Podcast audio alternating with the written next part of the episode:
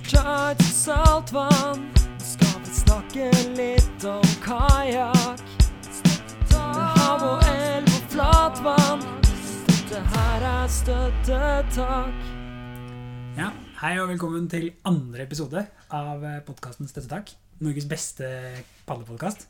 Ja, det vil jeg absolutt si. nå. Det må jeg lov å si. Det var lov å si. Jeg hadde ikke trodd vi skulle komme så langt som til episode to. Det hadde jeg. Men eh, det har noe med min eh, ekstreme evne til commitment Mm. Nei. Men vi kan vel røpe at vi har juksa litt. Ja. Vi kjører to på rappen. Det gjør vi. Eh, og det har litt med at jeg skal på ferie, og at vi også ønsket å være sikre på at vi fikk to episoder. Mm. Og så er det noe med tema, dagens tema, som også er Ja, Det løste seg veldig greit sånn logistikk. Og det gjør jo også at vi ikke har så mange innspill. De er ca. null, selvfølgelig. Vi hadde jo noen innspill til hverandre mellom eh, innspillingene. Ja, fylt kaffen og Vært på do. Ja, for å jukse litt også på den, eh, det punktet vi har tenkt å ha som er siden sist. Så bare strekker vi noen Hva har du gjort de siste dagene?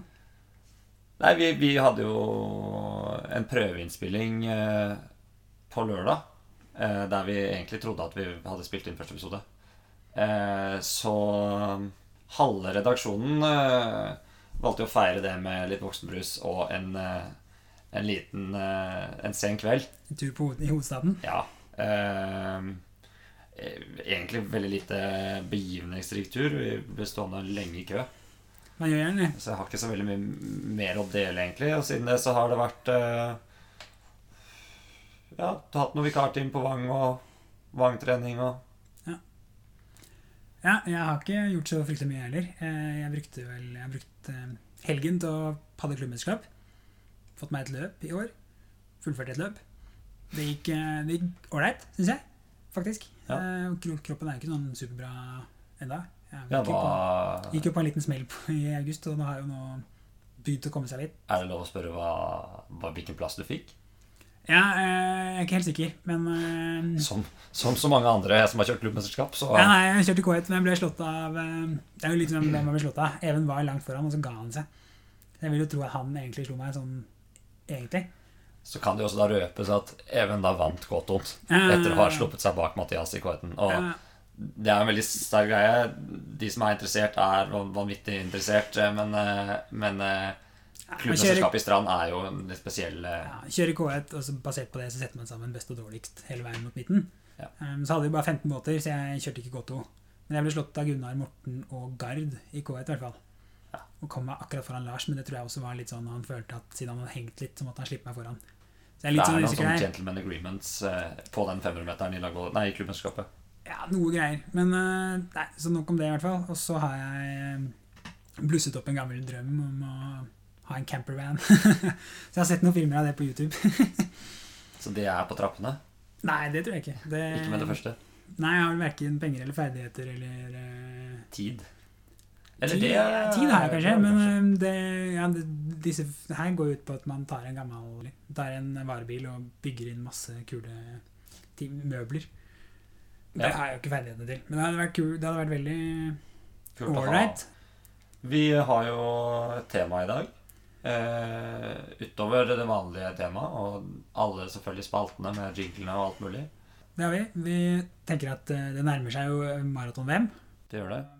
Det blir da dagens tema, og forhåpentligvis så får vi inn uh, En gjest En som gjest. vi lar være hemmelig noen- et par sekunder. et par til, eh, til han eventuelt dukker opp. I tilfelle han ikke dukker opp. Han dukker nok opp. Vi jukser bare, jukser bare til. Ja. Det er kjøreplanen for i dag, er å prate litt om maraton-VM med en av eh, deltakerne. Og nå har han eh, kommet inn fra trening og sitter her. Det er eh, Morten Minde. Velkommen. Takk. takk. Så Ja. Da er vi, det er da første gjest ja. i andre episode. Ja, jeg er spent. Jeg. Sist jeg skulle ta noe på sparket og live, så dreit jeg meg loddrett ut foran et fullsatt sal, så det her blir bra. Det er bra. Det er ikke, her, er det, her er det ikke fullsatt. Her er det ikke fullsatt. En- Det er, vi har jo en, noen som smugler i gangene her, men eh, fullsatt er det ikke. Ja, Ca. 100 følgere på Instagram foreløpig, så det Er vi oppe i så mange? Ja, ja, ja, Ja, det er tar helt, helt av i alle, kan- alle sosiale kanaler. Vi hadde noen spørsmål Ja, så må, det er jo maraton-VM snart. Uh, Ja, det merkes. Ja. Så det er noen som holder koken på vannet enda med fullt trykk, og noen som kanskje har det litt roligere. Ja, Det er vel strengt talt bare fire padler i Norge som holder koken fortsatt. Ja, Ja. absolutt. Nei, jeg holder sånn jevnt trykk. Jevnt lavt trykk. ja, Ja. som middels. Men du skal jo kjøre dette VM-et. Ja, så jeg, vi har jo laget noen spørsmål. Ja. Vi kan Vi har faktisk forberedt oss, i motsetning til forrige gang. Ja. Nei, for det, vi skal, det er jo i Kina i år. Um, jeg og Bård Anders var jo med det siste var i Asia, i Singapore. Da var jo forberedelsene ganske spesielle. Jeg var jo annet på en lang lunsj på Matematisk institutt på Blindern med Helmer, for, som hadde bodd i Singapore. Ja, det var herlig. For å forberede liksom, hvordan skal vi gjøre dette her. Er det, er, liksom, er det gjort noen spesielle forberedelser med tidssone, klima, mat? Altså, det er mange ting som man kan gjøre noe med, men det er kanskje noen ting man bare skal drite i. Singapore var jo spesielt eh, med tanke på luftfuktigheten. Eh, så det var kanskje det som var det store clouet. Og så er det selvfølgelig Litt varmt, eller? Ja, ja, ja. Og tidsforskjellen da eh, er nok kanskje det som er mest relevant denne gangen. Eh, ser jeg, og i hvert fall har lagt en plan for å forskyve døgnet litt når vi nærmer oss de siste to ukene. Men bort fra det så tror jeg ikke det har lagt noen store endringer, egentlig. Vet du det stedet dere skal? Eh, sånn i forhold til mat, da tenker jeg Er det, liksom, er det et eh, vestlig eh, en vestlig by med på en måte tilgang på vanlige ting, eller blir det som i Singapore med, Jeg, jeg tenker at dette her Kina til frokost? Dette her er fordelen, fordelen da, med å ha vært i Singapore, uh, faktisk. Jeg, jeg, jeg er positivt innstilt til å nå spise eh, løkringer og nudler til frokost og lunsj, og satse på at det får meg gjennom løpet. Ja. Det syns jeg var digg. Det, Det var veldig forvirrende, men følelsen av at det har funka én gang, gir, det gir litt sånn ro i sjela. da. Ja, I året jeg satt jo Vi spiste jo Subway. Vi levde på Subway hele den uka i Singapore. Ja. Nesten alt vi spiste. Det gjorde ikke vi, altså. Fordi Ja, men jeg husker jo Vi hadde en ganske sånn lekk stemning til mat Ja. i det mesterskapet. Og det var jo bare sånn Vi satt jo på den der fortausgreiene og spiste frokost eh, hver dag. Da var det jo svaleste tiden på døgnet. Og Ja. jeg syns jo egentlig det var eh, var greit. Ja. Jeg, jeg tror unngå stress og bygge opp liksom ja, at, at Jeg tror det er en stor tabbe generelt da, som utøver, som jeg har gjort tidligere selv, også spesielt i ungdomsårene, at man liksom måtte ha ting på et vis for å prestere. Mm. Den jobben gjør du nå, ikke når du er der nede. Ja. ja, du kan jo selvfølgelig drite deg ut hvis du får uh, ordentlig mageskje, da. ja, ja, men Det, det kan skje hjemme i Norge òg, liksom. uansett. Ja, Ja. ja, helt klart. Men uh, nei, jeg syns jo det er veldig behagelig. Og du, så maraton så er det jo ett løp én gang. Mm. Så du får bygget opp eh, Det skal være mulig å ha nok energi, da. Ja, ja, ja. Men hva tenker du om uh, sjansene til laget? Både på dine egne vegne og på resten av lagets vegne? Uh, jeg ler fordi vi snakka om det på trening i dag. Uh, man, var, de gutta tulla litt, da, fordi jeg var jo det åpenbart den som har trent mest den siste perioden og var litt i form. Så det var en av gutta som smalt at eh, ah, nå, nå, nå må du gå for medalje, da. Eh, så jeg tør jo ikke å innrømme noe sånt. Men ja, for det er mitt neste spørsmål. Blir det medalje? Jeg vet ikke. Jeg, jeg, jeg mener oppriktig at, at det er målet mitt. Uh, det Ja, ja, mener jeg. Det er fair. Uh, men uh, som jeg, Even sa, hvis jeg tar gull, så ser du ikke meg her neste år. Da tar jeg en Alexander, Alexander Hetland. Gir seg på topp. Og resten av laget, da? Hva tenker du om de? Er det jeg, jeg er veldig opptatt av at de som på en måte Spesielt de to yngste. At de får en god opplevelse av å konkurrere i den settingen. Ja. Eh, jeg tror at man generelt skal ha Være bevisst på at hvert maratonløp lever sitt eget liv. Det kan gå fra himmel til helvete på sekunder. Og jeg tror ikke det å stille medaljeforventninger eller liksom en plasseringsforventning til de, det er vanskelig. Ja. Ja, ja. Fordi du vet ikke hva du får. rett og slett Plutselig så kommer det noen sprintpadlere som aldri har padla maraton og knekker ror, eller plutselig så kan de faktisk padle maraton. ja. Så jeg, jeg syns de skal fokusere på å gjøre gode løp, og så skal vi ta det som kommer, og støtte de, og håpe inderlig at det blir så bra som De har potensialet, ja. men det er mulig å si hvor bra. altså Juniorklassen vet man jo aldri med, Nei. som du sier. Men om noe så er det kanskje at når det er langt unna, så er det så er det maratonpadlere som kommer. Og, men her er du inne på noe av det som vi, vi snakket om forrige gang, eh, i forhold til eh, det å på en måte nyte reisen, da. Jeg ville tenkt, hvis jeg var eh, junior og skulle dit og var litt usikker på hvor god jeg egentlig var, og hvordan ting kunne komme til å bli, så, så ha fokus på at eh, turen skal bli bra. Altså, vi har jo vært på utallige fine maratonturer. jeg, jeg, jeg tror hvis man greier å trene mye og så godt man kan i perioden fram til mesterskapet, så er det så mye lettere å gjøre det. Så jeg tenker at det er det viktigste man skal legge til rette for at disse som er unge, kan få en god, eh, god opplevelse av arbeid i forkant. At kompiser fra andre klubber kommer og trener med de At man gjør det på en måte legger litt til rette for at de skal kunne ha en bra periode nå framover, selv om de er litt alene, da. Ja. Ja, jeg jeg syns jo det mot Singapore også gikk det jo sent. Ja. Det var jo en kul, kul tid, liksom. Forberedelsen der gikk fort og fint, og vi fikk jo trent Det var kaldt i perioder. Trent overværing med is på brygga. Ja, det var, og det var jo veldig gøy. Ja, å ha gjort, Skled, liksom. skled fint, da. Ja. Jeg, jeg var jo mye i Bergen i den perioden, alene. Men jeg var ikke alene. Jeg er faktisk en av de første jeg måtte klemme og nesten ble litt rørt over når jeg kom hjem eh, fra, fra Singapore. Ja. Det var Andreas Bruserud. Ja. Eh, han hadde vært med ut på Nordåsvannet og kjørt diverse økter med meg og liksom pusha meg litt. Og det gjaldt egentlig hele miljøet i Laksevåg på den tiden, da. Eh, jeg freste frem og tilbake til Nordåsen. Sikkert brukte to timer på scooteren som jeg hadde på i oktober, september-oktober den perioden. Men de andre var jo, gjorde det samme for å være der sammen med meg. da Og ja, det er, jeg tror det er liksom avgjørende for å kunne slappe av når man er der. da Ja, det er viktig. Miljøet er viktig for å prestere. Jeg vet ikke om jeg får dra ut engang. For jeg mista jo passet mitt forrige helg, så Egentlig så burde jeg nå sittet og skrevet en uh, Ja. søknad til arrangøren om at jeg må få fornyet invitasjonen min med nytt passnummer, for jeg fikk nytt pass i går, så jeg har ikke fått visum ennå. Så det, vi får se om jeg kommer dit. Det, Det ordner seg vel. det ordner seg nok. Det er min innstilling òg. Ja, hvem, ser du på som, eh, hvem ser du på som de største konkurrentene når du sier medaljemål? Hvem er det på en måte som kan eh, hindre det? Ja, det er bra dette her ikke er på engelsk, ass. Ja, Ja, ja, ja. Nei, men det er vel en danske som kanskje forstår noe norsk her.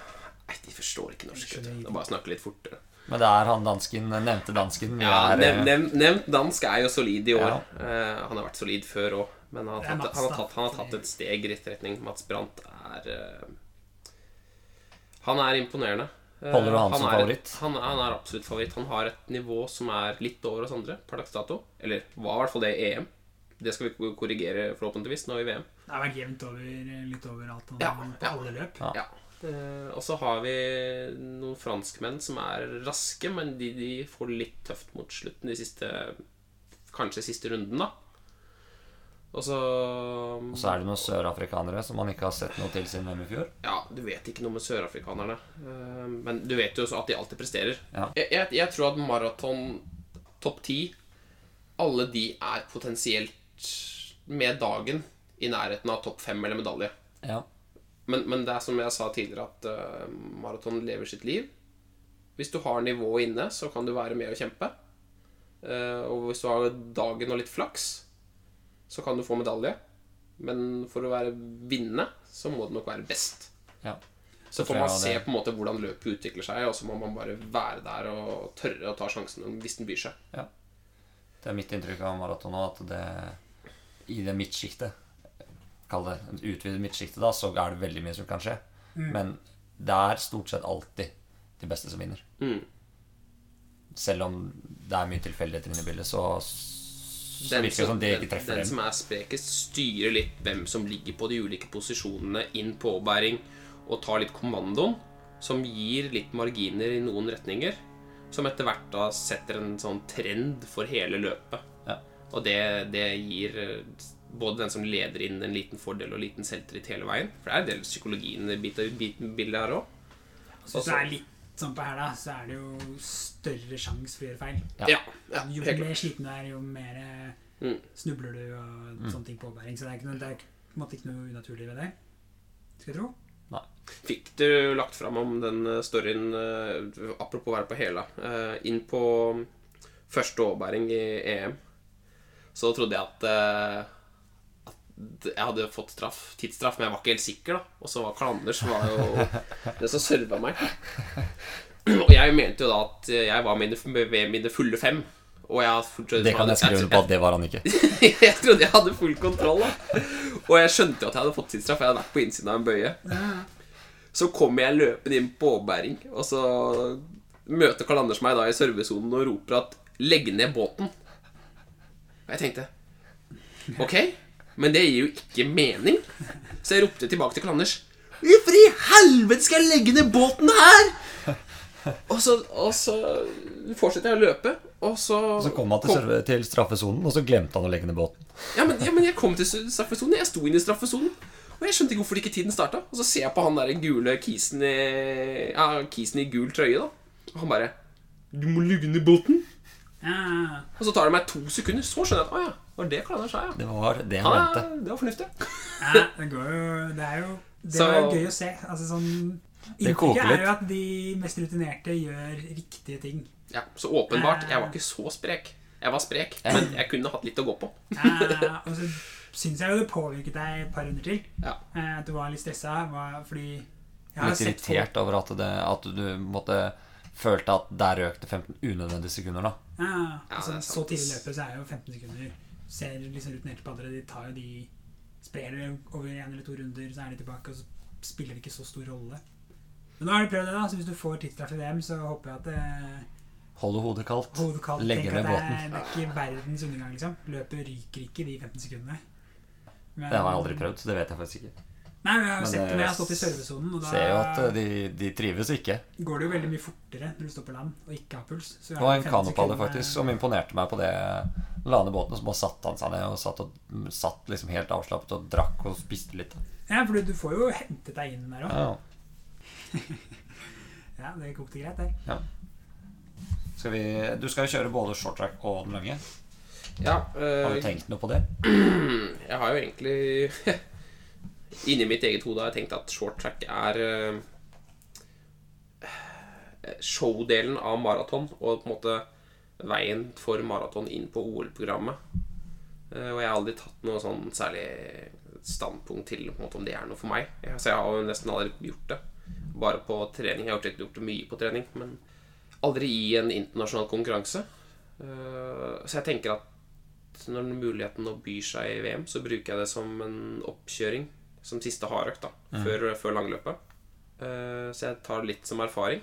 Uh, For det For å teste overbæring og For du Ja. har faktisk aldri kjørt det internasjonalt. aldri kjørt internasjonalt. Det er veldig gøy. Ja, Det er si- utrolig morsomt. Vi har jo kjørt eh, jeg, Til og med jeg har jo kjørt det noen ganger. Mm. Kan si at det er jo Det er ikke som på trening. All the fun parts of marathon. Ja, det er et helt maraton komprimert inn på tolv minutter. Ja. Så vi får se. Jeg tar den litt Jeg kommer nok til å være litt bevisst på å ikke ødelegge båten og utstyr. Eh, så Fordi jeg går all in for den lange delen. Det er der jeg mener at jeg har min styrke. Så det er, det er er der jeg skal prestere. ja. Det, det er jo for så vidt et, et greit svar på det Det er du enig i. Ja. At det er der det er I hvert fall når du ikke har gjort det før. Så tror jeg kanskje at uh, medaljesjansene minskes ganske, ganske kraftig da. For det, De padler altså så sykt fort.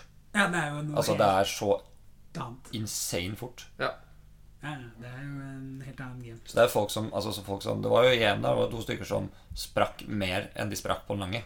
Ja. På en tre kilometer langt løp. Det var Ja. helt vilt.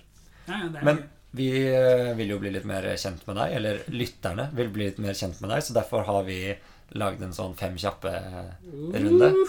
Så du bare svarer på uh, Hvor kjapt må jeg svare? Må Med en kjøre gang. svart. Første av de to da. Du får to sånn alternativer. Du får to alternativer. Du får to alternativer. Du skal bare svare, ikke utdype noen ting. Neste spørsmål kommer med en gang. Og så, og så tar vi heller og, og så kan du få lov til å utdype svarene dine etterpå, hvis du ønsker det. Ja, det tror jeg kanskje blir behov for. Ja. Er du klar?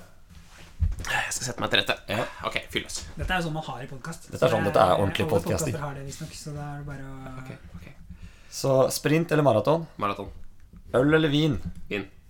Sverige eller Finland? Finland. Portugal eller Florida?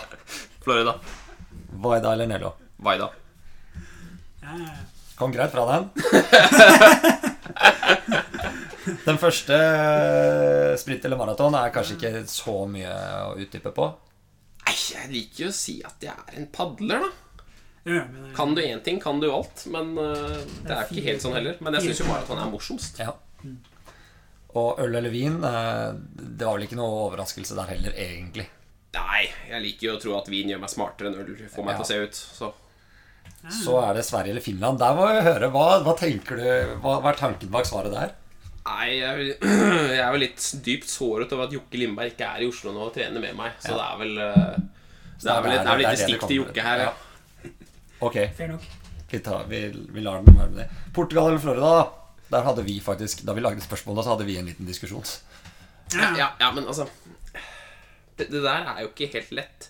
Jeg tror grunnen til at jeg sa Florida, er for at der har man mest gode minner, da. Fra, fra kamerater og ditten og datten. Ja. Og, og men, men Portugal er jo bra, det òg.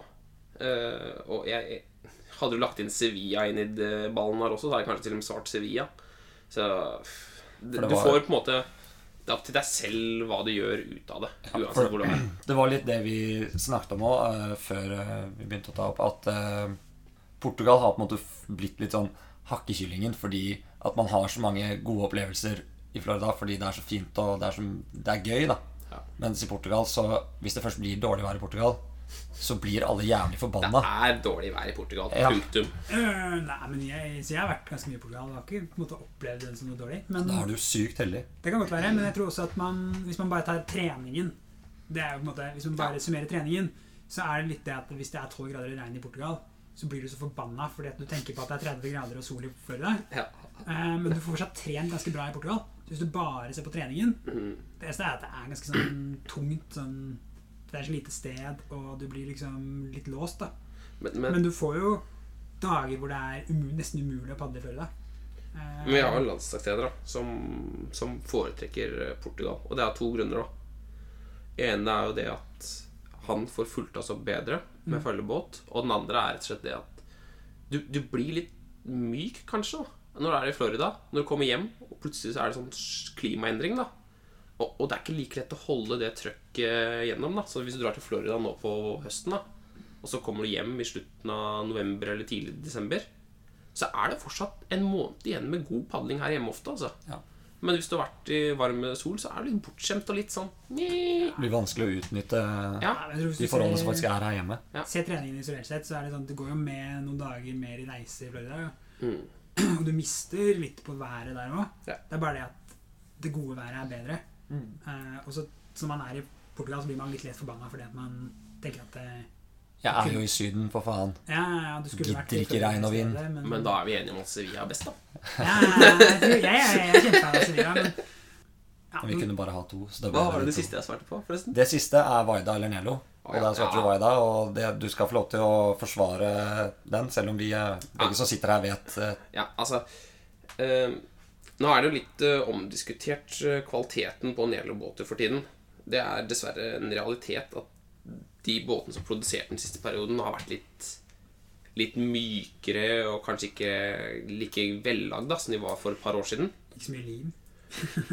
Og jeg har jo padla Vaida lenge og bytta til Nelo fordi Vaida har utfordringer med reservedeler og service på internasjonale stevner. Det er det Nelo har profitert på.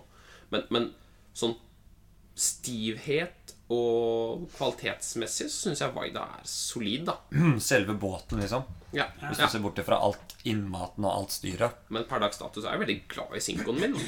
Min Jeg syns den er helt prima, liksom. Jeg har jo min ennå. Den er din. ja, Ja. 2012. Og den har jeg jo vært herja med siden deg, og den Mm. eh, lever jo i beste velgående. Vi skal jo også videre på det temaet som vi egentlig alltid skal snakke om, nemlig padling. Generelt. Ja, norsk padling. Norsk padling. Så i og med at vi har Morten her, som har vært en sånn eh, Gammel jubb. Ja, altså, du har jo gjort, vært eh, administrativ i Stranden i fem år nå, er det? Ja, Ja. Ifølge LinkedIn så er det det nå. ja på LinkedIn. Det er det vi gjør på LinkedIn. Eh, ja, det, det har vi ikke gjort. Det, der har vi så dyp research. har vi ikke gjort. Men um, så er det kanskje greit å snakke litt om um, litt rundt klubbdrift. Ja. For det var vi jo var kanskje ikke inne på sist. Men det, Nei, men vi var Vi nevnte vel eh, Jeg husker ikke om det var på den Om det ble noe Om det ble tatt bort eller ikke, men eh, vi var inne på mottaksapparat, og at man på en måte har plass til alle de padlerne vi gjerne vil se. Ja, for hvis I de Norge. tar de 50, 100, 50 eller 100, eller hva det tenker, altså, at Mm. vi skal kunne utvide med i bånn, da, altså 12-, 12 års 14-årsklassen. Ja.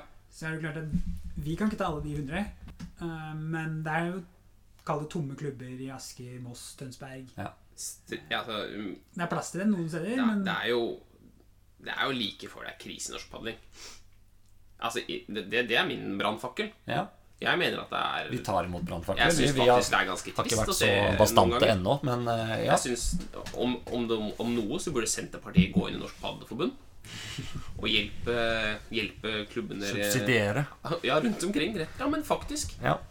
Altså Subsidiering av klubber som sliter. Absolutt. Fordi når du sier krise, så du må utdype litt hva du legger i denne krisen. Er det, fordi vi er jo omtrent samme stabilt deltakerantall totalt sett på norgescuper. Eh, Men, men, men utfordringen er at de grunnen til at det er eh, stabilt antall deltakere på norgescuper, det er jo fordi det er fire-fem klubber som har drevet i mange år, og som har økonomien til det. ja. Og de klubbene som ikke greier å videreutvikle seg, eller som på en måte som faller fra, er pga. manglende økonomi. Og så setter man i gang prosjekter hiten og diten som egentlig bare opprettholder status quo, istedenfor å faktisk ta tak i utfordringen. Og det er de klubbene som sliter. Og da må man kanskje konsentrere midler dit, fremfor at eh, Oslo-klubbene på en måte får litt mer oppfølging som kanskje egentlig bare er en ekstra fin ting. Det er viktig, det òg. Men ja, jeg tror hvis man vil løfte Padde-Norge, så må man virkelig støtte klubbene i andre deler av landet. Men vi, ja, vi kan jo kanskje presisere at det gjelder vel konkurranseklubbene vi snakker om nå. Ja, Ja. Det, det Altså, dette er en podkast av de som er interessert for sprintpadling, maratonpadling og konkurransepadling. Denne. Og elvepadling og polo. Ja, ja det, er, det er jo, vi håper jo Vi håper, vi håper, etter hvert også. ja, og vi håper å etter hvert kunne snakke litt om det. Det er bare at vi, vi vet ikke så mye om det. Nei, vi må være så Det ærlige. det er en bred nisjepodkast, det her. Ja, Ja, ja. det jeg, fordi, til dette om det er behov for den podkasten, så gjorde jeg en, en, en, litt matte i hodet. Eh, uten noe særlig research, og la bare til grunn at det finnes en eh, ja, si 500 000 fotballspillere i landet. da. Ja, det er ikke urimelig. Nei, da, Hvis du tar av liksom, de eldste og de yngste og tenker at eh, så er vi på en måte på en tiendedel spiller fotball.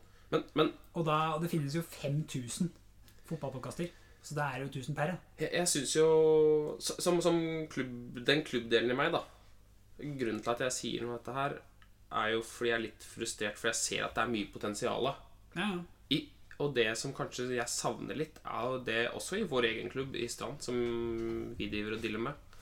Eller jeg dealer med. Og det er jo det at vi må få entusiasmen for padling ut til alle medlemmer. Ikke bare de som driver med konkurransevirksomheten, men at, at padling på en måte er At det er en identitet rundt at de som drar på nasjon, internasjonale konkurranser, eller som konkurrerer nasjonalt, at de på en måte er klubbens litt sånn gods, da. Og at man har liksom fellesskap rundt at dette, disse representerer Norge, og de er vi litt stolte av, da. Ja, jeg opplever at det finnes en god del av de i klubben vår som syns at det er kult med Og det er konkurransepadlerne i mengder av klubben. de i Oslo og Men, andre eh, klubber, og i Flekkefjord og i Tysvær. Altså, det er kjempemye bra. Men, men det må på en måte ut på en litt mer sånn Jeg tror den podkasten er en bra anledning, egentlig. Få det litt ut på nasjonalt nivå, vise hva Ja, som skjer, da. Og Ja. hvor, hvor Altså, folk har en oppfølging at padling er en dyr sport. Det, det er jo ikke sant. Det er ikke sant. det er Det er en av de billigste sportene for barn og unge. Men det er bare at det er begrenset antall som driver, kan drive med det. Ja. Fordi klubbene har så og så mye utstyr som er til låns. Ja, ja nei, vi håper jo nå noen ut. Men jeg, jeg, jeg har eh, Jeg har sittet i styret for Allforbundet noen år, og min tanke da jeg gikk inn, var i hvert fall et håp om at vi kunne på en eller annen måte knytte Padle-Norge litt tettere sammen.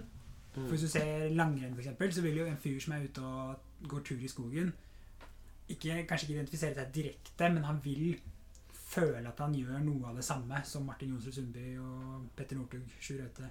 At de på en måte er i samme bås. Ja. Men jeg har inntrykk av at hvis du smekker på deg tøydrakten og setter deg i en hardkajakk, eh, eller padler kano i en elv, så er du medlem av Norges Padleforbund, men du identifiserer deg ikke med Lars Magne, Jo Sondre Solhaug, den type ting. som man som man burde gjøre, da. Så det du sier, er mindre baris-promobilder og mer påkledde bilder som har mye, sånn- mye padlevotter? Og mer, Ja, ja, ikke bare padlevotter, men, men mer, mer av typen Mer Hvem er egentlig Ja. disse menneskene? Annet enn bare varisbilder på paddelandslagets Instagram. Mm. Er Hvem liksom- er, hvem er disse menneskene bak? For grunnen til at du bryr deg om Petter Northug, er at du alle i hele Norge føler de kjenner Petter Northug. Ja, jeg tror det er en god måte å begynne på. Jeg, Det er ikke lett, men tenker at hvis du padler, uh, har en kajakk og er medlem av en klubb i Trondheim, Tromsø, andre steder, som ikke nødvendigvis er på norgescuper Det er kanskje ikke norgescup den største arenaen, men du bør ha en følelse av at disse her er noe, driver med noe av det samme. Jeg husker jeg kjøpte en kajakk av en fyr langt ute på landet et eller annet sted. Da jeg var eh, ung og liten og fikk min første kajakk. Og han satt og fulgte nøye med på på det som foregikk i norsk konkurransepadling. Da var det Mattis Næss og disse her som var, eh, han var opptatt av. da. Men han hadde ikke noen tilknytning til noe annet enn at eh, Så han hadde kjøpt den racerkajakken og prøvd å padle den, og fikk det ikke til, og solgte den til meg. Eh, og Sånne burde det vært mange av, da. Mm. Men, men jeg tror veien dit Det kommer et kjedelig svar, kanskje. For det er utrolig mange som padler kajakk i Norge. Jeg, jeg, jeg tror veien dit er at eh, klubbene må drive målrettet arbeid for å få unge foreldre inn i styret Ja. og, få, og, og vise at her er det noe mer enn bare de samme som sitter på postene, men på en måte ha en konstant fokus på alltid hvert år. Få inn en ny foreldre fra nybegynnerrekrutten eller hva det er klubbene gjør. For å sørge for at det alltid drives noe litt inn. Nye tanker kanskje, men også, ikke minst, flere frivillige. Og så sprer Det kommer til å være en langsiktig prosess, men vi på en måte, noen kjenner noen, og så åpner seg dører, og folk snakker sammen om positive ringvirkninger i, i et miljø. For er, padling er miljø. Det er, vi kommer aldri til å bli en kjempeidrett. Men, men det er det å bygge dette miljøet stein på stein. Ja. Og så tenker jeg, som vi da var inne på med, med mottaksapparat altså Du må på en måte begynne med disse tingene her. Du må få noen inn. Du må på en måte fylle opp den kapasiteten du har. Og så må du være flink til å bruke de som kommer med, da, som vi snakket om forrige gang. Det er hun- 100 barn, det er 200 foreldre. Ja. Eller enda flere da, i dagens samfunn hvor man gjerne har litt sånn foreldre her og der. Punkt to. Aldri ha hull i rekrutteringen. Alltid ta inn 10-15 nye barn, og ha god oppfølging av de av voksne mennesker. Det har vi lært nå i Strand, at du må ha noen som virkelig brenner litt for det. I år så har vi brukt eh, Even Sevaldsen og Gunnar Nydal Eide. Vi har brukt mange gode før det òg. Men det, viser seg det at du, bruker du seniorer eller voksne juniorer som er litt modne og som har lyst til å, å spre liksom padling, så blir barna og foreldrene rundt blir litt imponert over miljøet, og de Det blir en kultur, da. Og det blir en sånn Ja, så blir du litt selvdreven hvis Ja. du har noen 16, 17, 18, 19 Ja. som trener i 12-13, og det er en grei trend, så, eller det er et system du bruker, så er, er du ikke avhengig av den ildsjelen Mm. som drifter alt i den klubben. Og så blir de yngste kjent med de eldste. Det er mye lettere å komme på stevne og konkurrere. Uh, Det er viktig. Det husker jeg. Det, selv om jeg var jo dritredd for Bendik da jeg var liten, så satte man jo veldig pris på at, at det føltes som når vi var på Både, på, både jeg møtte han på klubben på trening og, og på, satt i bussen med han på vei til eh, stevner og var på stevner og sånn, så følte man liksom at ok, men vi er egentlig på lag. Ja, Selv om han kaster meg i vannet og slår meg og henger meg opp i teip og stropp og Det skal sies her til podkasten at det, det, det har alltid vært Altså forskjellige miljøer i Strand kajakklubb. Uh, sånn er det nok i alle klubber. Og en del av det er at oppfører deg som en snørrunge, så blir du også bada, Karl Anders. Ja, Men det er jo- som en snørrunge. Så er det vel, Du setter vel mer pris på å bli hengt opp i en stropp fordi han vet hvem du er, enn å bli oversett, ja. Absolutt. Altså det å bli på en måte plaget Eller plaget, det var ikke plaging. Men det å bli lekt med sånn, da, det, det var jo noe som på en måte gjorde at jeg, selv om det kanskje var litt kjipt i perioder, følte at jeg fikk en, en høyere status enn de som kanskje var like gamle eller yngre, som ikke ble anerkjent Ja. av Bendik i det hele tatt. Og det var jo ikke helt uoppfordret, kanskje. Det var Det var nok kanskje i, i perioder, i hvert fall, så, så kan jeg være med på at jeg har fremprovosert det. Men kanskje mer egentlig senere, de, de sånn mellomårene. Da var det mer provosering. Når du ikke fikk så mye oppmerksomhet. Ja, når jeg ikke bare var liten og søt og fikk oppmerksomhet den veien. Men, men eh, sånn oppfølging den, den langsiktige konsekvensen av ikke ha rekruttering hvert år, er at det blir hull i treningsgruppene. Mm. Ja. Og man vet jo det at man har jo frafall.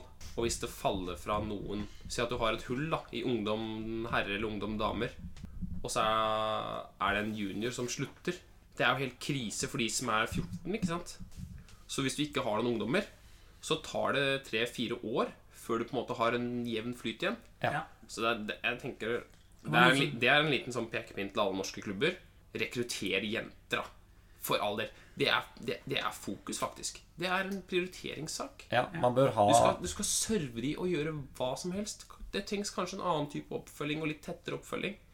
Men det gir så mye nedavkastning, altså. Og det, det- gir, det gir miljøet også en liten piff. Det blir ikke bare den bade og Det vet jeg fra, altså fra Vang også, så, fordi det å ha både jenter og gutter i hver idrett på et kull på et trinn, på alle kull på alle trinn på Vang, og da i klubbene ellers også, det er ekstremt verdifullt.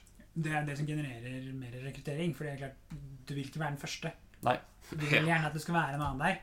Uh, Og hvis du har eh, to stykker over og to stykker under, så gjør det ingenting om du er den eneste på ditt kull. Nei, nei, nei. Så det er greier. Og så tenker jeg at de 10-15 du snakket om hvert kull, det er kanskje dimensjonert for Strand. Ja, Det fins jo klubber som er mindre, mindre garderober, mindre båthall. altså, Men da heller ta inn en, få inn 3-4 i hvert årskull sammenlignet med 14 hvert fjerde år. da. Ja, For der vet jeg Flekkefjord. Flekkefjord er det annerledes. Det hadde ikke hjulpet å ha 10 millioner kroner i klubbkassa hvis det ikke er vilje eller folk til å drive med konkurransepadling. Det går jo- Og er det nok vilje og folk, så spiller det ingen rolle om den klubbkassa er tom heller. Nei. Da får du det til. Så det må jo være litt lokal tilpasning, men for, kan vi kanskje, hvis vi forsiktig konkluderer med at vi ønsker at eh, man har padler i alle aldre i Alle så mange i som mulig klubber, klubber, ja. gjerne alle. Ja. For da blir det også et bedre miljø på stevner. Ja. Ja, Og så er det lettere for klubber å arrangere med foreldre på frivillig basis stevner du selv skal på måte Ja, Vi drømte jo litt i forrige episode om å ta av tolvårsklassen ut av Norgescupen. og heller kjøre flere regionale stevner. Ja, At det er dem. mange nok rundt omkring til at det er regionale stevner. ja det hadde vært eh, kjempebra å gjøre det på den måten, tror jeg. Så da er det en, en eh, åpen oppfordring i forhold til denne brannfakkelen som Morten kastet ut. Så, eh, Send inn melding på Instagram til støttetaket. Støttetak. Ja, noe sånt. Støttet, noe sånt. Eh, hva mener du Om om, eh, hvordan skal vi redde norsk padling? om, eh, om dette med klubb, klubbdrift, og, og hvordan vi på en måte skal få til denne rekrutteringen? Er det et synkende skip? Er det et synkende skip? Har vi Skal vi like gjerne gi opp, dere? Nei, jeg, så mener jeg kan ikke ta tolvårsklassen ut av Norgescupen for å ta tolvårsklassen ut av Norgescupen. Det måtte være fordi at de vokste seg ut av Norgescupen. Ja. Så det hadde vært en drøm. Så har vi jo Vi har jo også denne gangen eh, veldig lyst til å spille lagbåt-jinglen vår. Ja. Eh, så den kommer nå. Og så får vi se om vi har noe å si om lagbåt etterpå. Men eh, jingle først, sånn at vi i hvert fall får gjort det. Ja, ja. K1, K2, K1, K2, K3, K4. Vi er ikke én, vi er flere. Lagbåt! ja. Da var det lagbåtspalten for denne gang. Har vel ikke fylt den tyrannen denne gangen heller. Men vi har klart å grave fram noen temaer det går an å snakke om. Det har vi. Eh, og det nærmer seg VM, maraton, som sagt. Og vi stiller med et lag bare K-etter. Ja. Så det er vel et lagbåtspalte om at det mangler lagbåt. Ja, Kanskje. Det er jo en eh, vink vinkling, men eh, det er en bra vinkling. Ja. Jeg tror eh, det er nok flere som gjerne skulle ønsket å være med. Og jeg Ja, Jeg, for Karl Ander- Ja, det er alltid noen som har lyst til å være med. Men, men det var jo rare omstendigheter, og man, det klassiske ordtaket Det er alltid budsjettet som styrer. Uh, I den grad det er et ordtak. I Men, den grad det er sant i det hele tatt. Eh, Men eh, det er jo litt På tross av at vi har VM neste år, så er det jo litt spesielle eh, omstendigheter med at dette VM-et er i Kina. Så det er på en måte Det er ikke bare å dra. Jeg vil jo tro at man hadde eh, tatt ut et vesentlig større lag eh, hvis det hadde vært litt nærmere. Det, det mangler også en to ganger Volvo-båt. Eh, Mm. Det ville jo vært en lagbåt. Det ville vært en lagbåt. Og det, det er jo en lagbåt og det ville vært en- Det ville vært en medaljebåt i et VM. Eh, Så det er kjempesynd. Eh, Kamerat. At eh, Ja, jeg, jeg mener at det har vært medaljebåt. Eh, De, de gutta de, de, kan, de kan det gamet. Men, men ok. Det er bare, Man kan ikke innkassere noe på forhånd, som noen gang. Men de er, de er jo det er en veldig solid båt, selvfølgelig. Ja, ja. Så jeg forstår jo Jeg forstår på en måte hva man har tenkt, og hvordan man kan argumentere for å ikke sende en lagbåt. Men jeg syns helheten faller litt fra, da. Ja. ja, det er jeg enig i. Altså at det Jeg ser tankegangen Mm. og helheten i det. Altså jeg ser eh, Jeg føler det er en slags tråd i, rød tråd i det. Uh, Ut ifra ut ifra hva som skjedde, ut ifra hvor langt det er, og at den K2 som man hadde Man hadde jo egentlig tenkt at det skulle være en annen K2 der. Ja. Man hadde tenkt at Eivind også skulle være der i K1. Det var på en måte andre, andre omstendigheter som gjorde at det ble som det ble. Ja, det er ikke så mange som er kvalifisert i år heller. Altså, vi har hatt NM. Ut fra det så har det vært noe EM og, World Cup. World Ja. Cup. og med Vold-brødrene ute av dette, så er Ja. det jo på en måte står vi igjen med det vi står igjen med. Men Mm.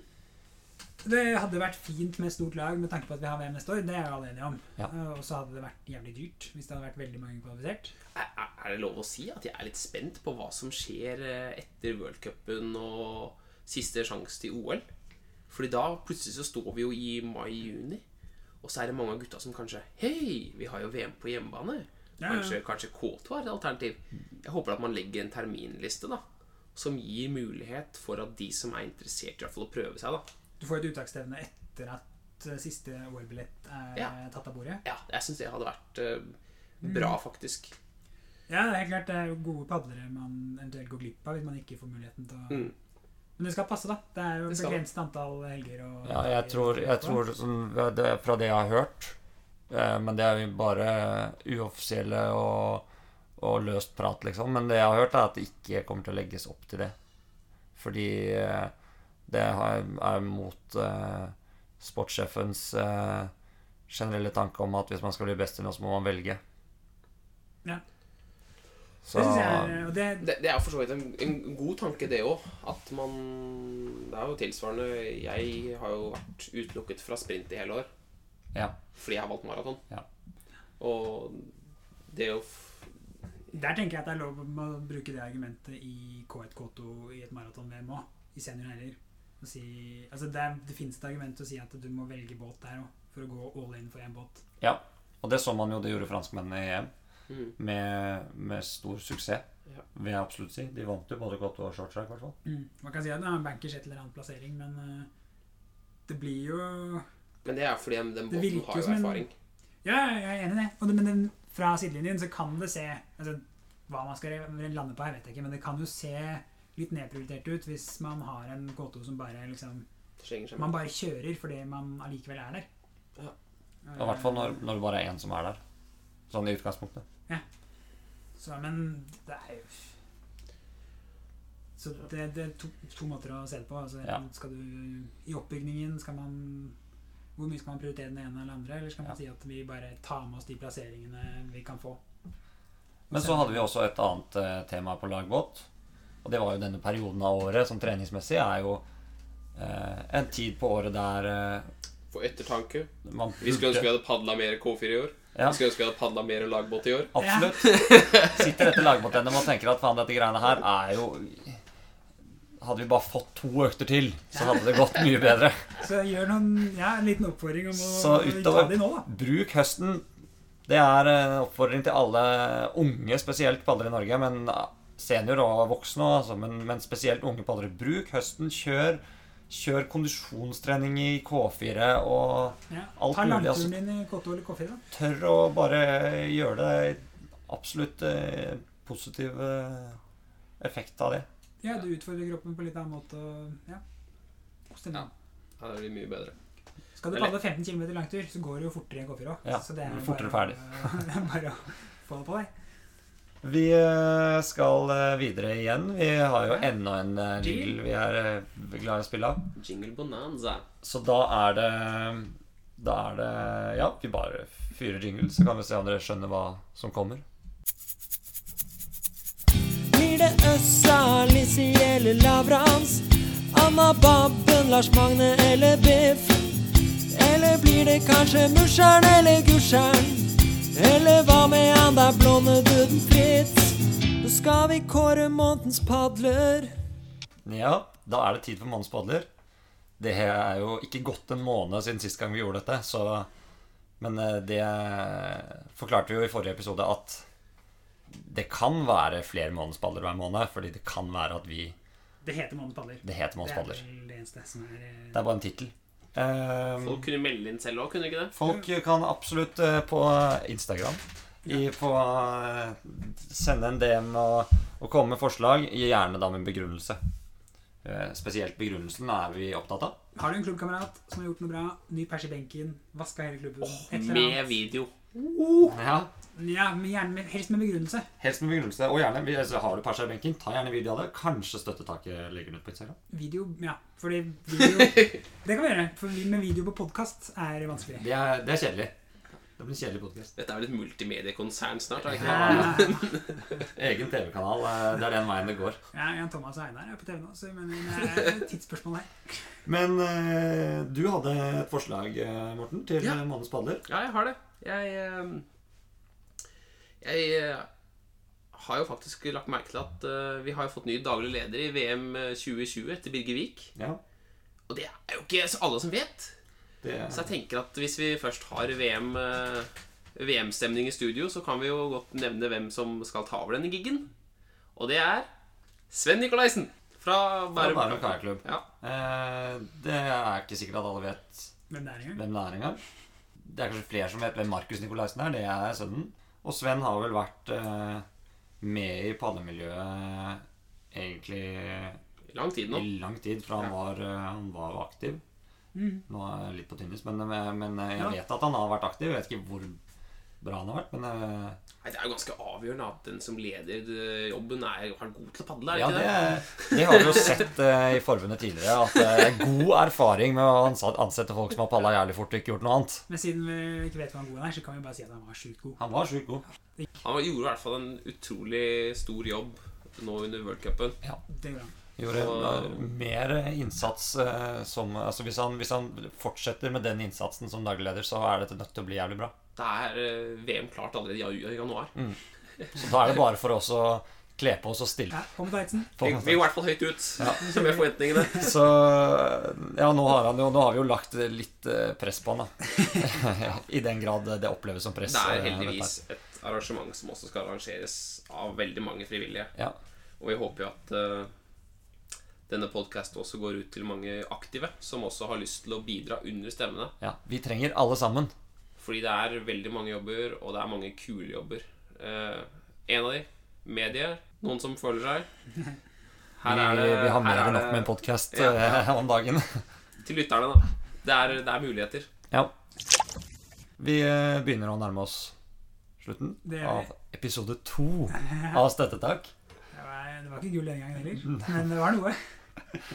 Så da Vi takker Morten for å være med som gjest. Det var hyggelig å ha deg på besøk. Selv takk. Det var eh, begivenhetsrikt. Ja, eh, Vi eh, sier som vi pleier. Eh, ta noen støttetak, da, dere, til neste gang. Så høres vi. Ha det. Skal vi snakke litt om kajakk? Hav og elv og flatvann. Dette her er støttetak.